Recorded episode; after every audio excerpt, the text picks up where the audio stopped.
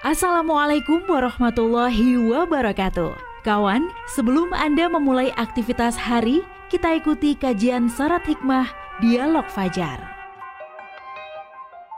Assalamualaikum warahmatullahi wabarakatuh Kawan, kita kembali di program Dialog Fajar bersama saya Adit Jufriansa dan pagi hari ini saya seperti biasa kedatangan uh, Ustadz yang sudah tidak asing lagi. Wah, sudah hampir tiap hari ya Ustadz Ali ya. Insya Allah. Alhamdulillah. Ya Ustadz Ali dari Pondok Pesantren Nurul Falah Surabaya. Dan tadi sempat ngobrol di belakang soal uh, kehidupan yang baik, ya hayatan toibah. Uh, kadang-kadang orang berpikir uh, semua ukurannya itu adalah harta yang berlimpah um, kesenangan atau punya banyak materi begitu ya. Tapi apakah itu dikatakan dalam Islam kehidupan yang baik? Nah, kita mau ngobrol soal itu. Kita langsung aja mendengarkan uh, sharing bersama Ustadz Ali di program Dialog Fajar pagi hari ini. Silakan Ustadz. Bismillahirrahmanirrahim. Assalamualaikum warahmatullahi wabarakatuh. Waalaikumsalam warahmatullahi wabarakatuh. Bismillahirrahmanirrahim. Alhamdulillahi rabbil alamin. Assalatu wassalamu ala asyrafil mursalin Sayyidina Muhammadin wa ala alihi wa sahbihi ajma'in. Bersyukur kehadirat Allah Ta'ala pagi ini kita bisa mendengarkan suaranya Mas Adit yang saya dampingi gitu ah, ya Mas ya. Jadi suara kita berdua kita berdua mau dialog tentang apa yang uh, tadi disebutkan Mas Adit sebagai hayatan toyibah. Mungkin tidak cukup sekali ini kalau nanti nggak cukup ya besok pagi kita bisa lanjutkan ya. ya. Dari sudut pandang yang lain hayatan itu kehidupan. Atau toyib toyibat. Hayatan itu kehidupan.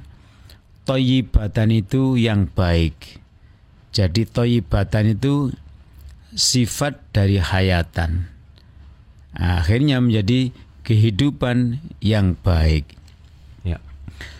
jadi Mas Adit Allah itu kan sangat sayang kepada manusia ya. Hmm eh, berbagai rumusan hidup itu sudah dibentangkan dalam kitab suci Al-Quran maupun di dalam hadis Rasulullah SAW yang juga kemudian masih di breakdown lagi, diperjelas lagi oleh para ulama yang ahli di bidangnya. Di bidangnya. Jadi kita tinggal mengambil, yeah. ya, mentranslate dalam kehidupan kita ini yang memang perlu waktu ya. Nah mungkin kawan Dialog Fajar pagi ini tentu harapan kita uh, langsung ya dipandu oleh Allah Subhanahu wa taala uh, bagaimana cara menggapai hidup yang baik, yang hayatan yang thayyibah. Di dalam surat An-Nahl itu disebutkan ayat 97. Jadi Allah memberikan pedoman kepada kita barang siapa yang beramal baik dia laki atau perempuan lalu dia beriman kepada Allah Subhanahu wa taala maka dia akan mendapatkan hayatan thayyibah mendapatkan kehidupan yang baik gitu ya. Satu sisi dulu dari ayat ini kita uh, dialogkan adalah mengenai kayak apa hayatan toyibah itu. Sehingga dijanjikan oleh Allah kepada kita semuanya uh, tentu yang memenuhi kriteria untuk mendapatkan hayatan toyibah. Nah, hmm. kawan semoga kita lebih termotivasi dulu lah hayatan toyibahnya itu kayak apa kehidupan yang baik itu yang seperti apa kehidupan yang baik itu adalah kehidupan yang memiliki kriteria kriteria tertentu. Yang pertama adalah kehidupan orang yang bisa memberikan dampak manfaat dan positif. Saya belum lama ini Mas Adit, uh -huh, uh -huh. Jumatan di sebuah masjid ya di Surabaya Barat itu heran saya menurut ceritanya para uh, takmirnya itu. Jadi masyarakat itu berlomba-lomba berebut untuk memberikan infaknya buat uh, buat membangun yang biasa kita istilahkan rumah Allah. Al-Qur'an apa namanya masjid itu adalah rumah ya. Allah.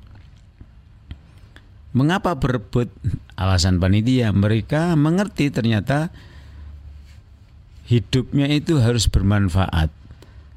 Lah, hidup bermanfaat itu banyak sekali yang yang bisa kita lakukan. Tapi mereka kali itu, kali itu pada waktu membangun masjid itu berebut membelikan tanahnya. Coba. Nah, mereka mau membangun masjid nggak ada tanahnya kan susah. Akhirnya beli tanah pun nggak ada. Akhirnya di antara mereka itu rumahnya diberikan. Itu salah satu contoh hidup yang baik itu adalah hidup yang memiliki atau bisa memberikan dampak manfaat dan positif pada orang lain. Ini cerita saya ini tadi dampak yang baik itu bukan kepada perorangan malah tapi pada umat Islam yang ada di perumahan itu. Jadi sekali lagi saya heran, loh rumahnya diberikan. Saya tanya, lalu dia tinggal di mana? Oh rumahnya dia banyak. ini yang diberikan ini bukan rumah jelek, rumahnya bagus. Tapi karena beliau berpikir ini kalau tidak maka masjid ini tidak akan muat untuk e, ibadah bersama. Maka beliau itu adalah seseorang yang hidupnya adalah hidup hayatan toyibah yaitu hidup yang baik, yang toyibah. Beliau sudah memiliki kriteria yang pertama, yaitu hidupnya itu bisa memberi dampak manfaat dan positif pada orang lain. Nggak tanggung-tanggung kalau dia ngasih tanah dan nah begitu dikasih tanah, panitianya juga bingung karena semuanya serba spontanitas. Ah, bingung membangunnya maksudnya. Akhirnya yang ngasih tanah dan rumah itu turun tangan lagi. Sudah.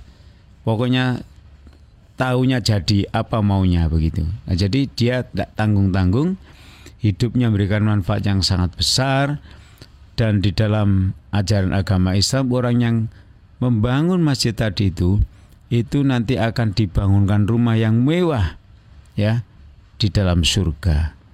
Itu yang tadi di awal Mas Adit saya bilang Allah itu kan sayang memang kepada kita ini ya disayang, dimanja kita ini. Beramal sedikit aja dikasih balasan yang banyak. Dan balasannya itu Mas Adit bisa di akhirat tapi juga bisa di dunia. Contoh orang yang tadi membangun masjid itu tadi, dia ternyata dalam waktu yang tidak lama, dalam masa dua tahun itu, bahkan di antara waktu yang ia lalui adalah waktu yang corona dulu itu, tapi usahanya itu luar biasa. Bahkan diceritakan kepada kawan-kawan yang lain usahanya itu tidak masuk akal lah ya untuk sebuah zaman yang namanya covid waktu itu. Nah itu sebagai salah satu eh, ayat ayat itu tanda-tanda kekuasaan Allah bahwa seseorang yang berjuang untuk memberikan nilai positif pada masyarakat apalagi berbentuk masjid maka diganti sekarang ini tidak perlu nanti diganti meskipun menggantinya itu pada zaman yang tidak umum bisnisnya masih berkembang ya saya pun tidak percaya tapi ketika dikasih hmm. tahu kok bisa berkembang itu kan tidak memenuhi rumus ekonomi tapi ternyata hmm. begitu dijelaskan ya tidak masuk akal kan Allah pernah berfirman dalam ayat yang lain eh, bahwa Allah juga akan memberikan rizki yang tidak disangka-sangka kepada orang yang memenuhi kriteria. Ya. Nah, kawan, itu salah satu kriteria atau ciri khas orang yang mendapatkan hayatan thayyibah yang dijelaskan dalam surat An-Nahl 97 itu. Yang kedua, hayatan thayyibah itu orang yang hidupnya dipenuhi rizki yang halal. Saya kira Mas Adit dan kawan-kawan dan saya dan kita semua kalau berbicara rizki itu biasanya orang itu memaknai rizki itu apa mas? Kalau di tempatnya Mas Adit itu uang kali ya, uang ya pokoknya harta lah ya, pokoknya harta. Nah itu umumnya orang kita semuanya mengatakan rizki itu adalah uang. Ya sesungguhnya rizki itu saja dari teksnya saja rizki itu adalah pemberian. Nah kalau dimaknai pemberian maka apa yang tidak diberikan kepada kita oleh Allah Ta'ala? Mulai dari ujung rambut sampai telapak kaki itu pemberian pemberian semua pemberian semua. Jadi kalau kita maknai rizki itu adalah tidak hanya uang maka pagi ini kita bisa mendengar dengan telinga kita itu rizki kita yang diberikan kepada kita berbentuk pendengaran. Tidak hanya barangnya telinganya tapi kita juga diberikan kemampuan mendengarnya ada yang diberikan oleh Allah telinga ya, tetapi masih juga disertai dengan alat penyambung sehingga baru bisa mendengar yeah. dan lain-lain. Yeah. Tapi itu namanya tetap rizki yang kita terima dengan gratis dari Allah Subhanahu wa taala. Nah, berbicara rizki yang sekarang ini, bicara rizki yang berbentuk harta benda, uang ya. Itu orang yang hidupnya baik itu adalah orang yang dipenuhi rizki. Rezeki berupa materi uang tadi itu tetapi yang halal. Ya. Sekali lagi kita bisa maknai rezeki non materi juga bisa ya. Tapi ini konteksnya dengan halal. Mengapa ini disebutkan oleh Allah? Karena orang kalau mendapatkan rezeki dengan cara tidak halal bisa dipastikan kawan bertentangan dengan kriteria satu tadi yaitu pasti proses memperolehnya itu adalah dengan cara yang menyakiti orang lain. Maaf-maaf misalnya eh, mengambil harta orangnya orang lain. Mencuri. Kalau di pasar-pasar di jalan-jalan namanya menjambret. Kalau di Surabaya itu namanya kan begitu ya. Nah, jadi uang hasil eh, pemaksaan orang lain tadi itu pasti rezekinya namanya tidak halal. Kalau orang dapat rezeki yang banyak dalam hidupnya tapi rezekinya itu tidak halal itu dia hidupnya bukan hayatan toyibah ya hmm. hayatan sayi'ah kalau kita sekedar bikin istilah ya nah hayatan toyibah itu kalau seseorang hidupnya itu me, uh, memiliki rizki dipenuhi rizki tapi rizkinya itu halal Tentu rizki yang halal itu adalah rizki yang memenuhi beberapa syarat di antaranya dalam yang barangnya itu bukan barang haram. Misalnya, misalnya kalau kita makan uh, suatu daging yang didala, yang dilarang oleh agama Islam maka ya tidaklah daging yang haram memang yang halal gitu ya. ya. Yang kedua adalah cara memperolehnya barang itu itu caranya benar. Harta yang kita ambil yang kita peroleh itu halal tapi karena prosedurnya tidak benar menjadi tidak halal. Nah, bukan itu akhirnya. Kriteria hayatan thayyibah itu jika seseorang dalam hidupnya itu dipenuhi rizki tetapi yang halal. Kawan, bicara halal itu tidak bisa dipersandingkan dengan jumlah ya. Halal itu mengandung suatu unsur yang namanya barokah. Barokah itu adalah tazidu hasanan e, bertambah kebaikannya. Jadi kalau rizki yang halal itu memang barangnya halal dan cara memperolehnya halal ditambah barokah. Barokah itu seseorang yang rizkinya itu membuat dia semakin baik. Itu namanya e, rizki yang halal dan rizki yang barokah. Adakah rizki yang halal tidak barokah? Mungkin ada. Rizkinya dia peroleh memang rizkinya ya baik ya. Prosesnya pengambilannya pencarinya juga baik. Begitu kita terima bleng ya barang itu tapi kita kurang bersyukur maka ketidaksyukuran kita itu tidak merubah status barang yang halal tadi Mas Adit tapi bisa meniadakan barokahnya. Nah ini loh yang berbahaya dan ini masalah-masalah pelik ya.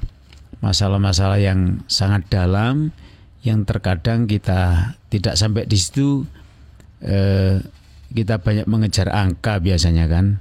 Nah, kawan sekarang Allah mengingatkan di An-Nahl 97 itu bahwa hidup yang baik, yang hayatan thayyibah, hidup yang baik itu adalah hidup yang eh, selain pertama adalah memberikan dampak positif pada orang lain, maka yang kedua adalah dia dipenuhi dengan rizki yang halal.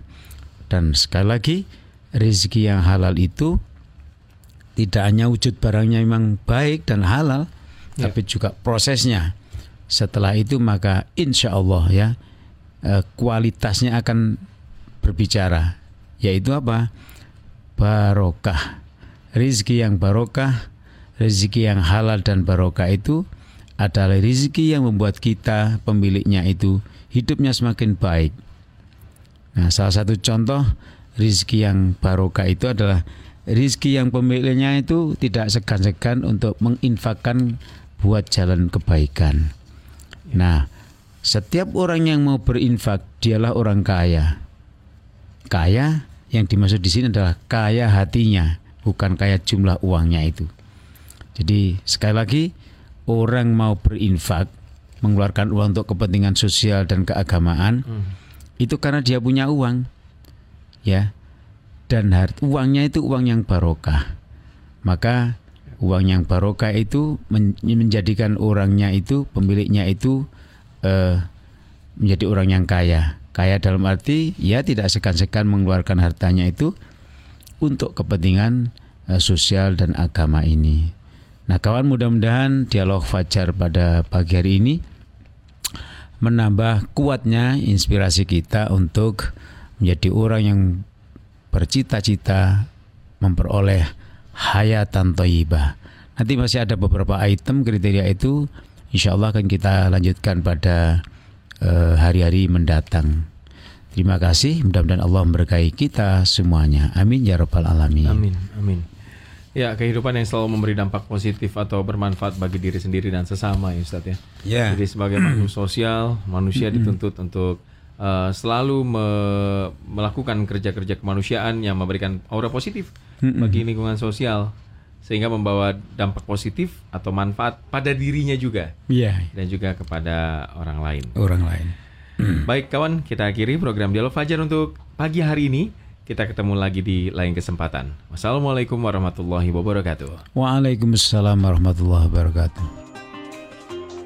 Program Dialog Fajar yang baru Anda simak kerjasama Suara Surabaya dan Pesantren Al-Quran Nurul Fala Surabaya, lembaga dakwah yang amanah, profesional, dan berbasis Al-Quran Pesantren Nurul Falah mencetak guru-guru Al-Quran dengan metode tilawati dan tafidz Al-Quran. Informasi dan pemberian donasi hubungi 031 828 1278 atau nurulfalah.org.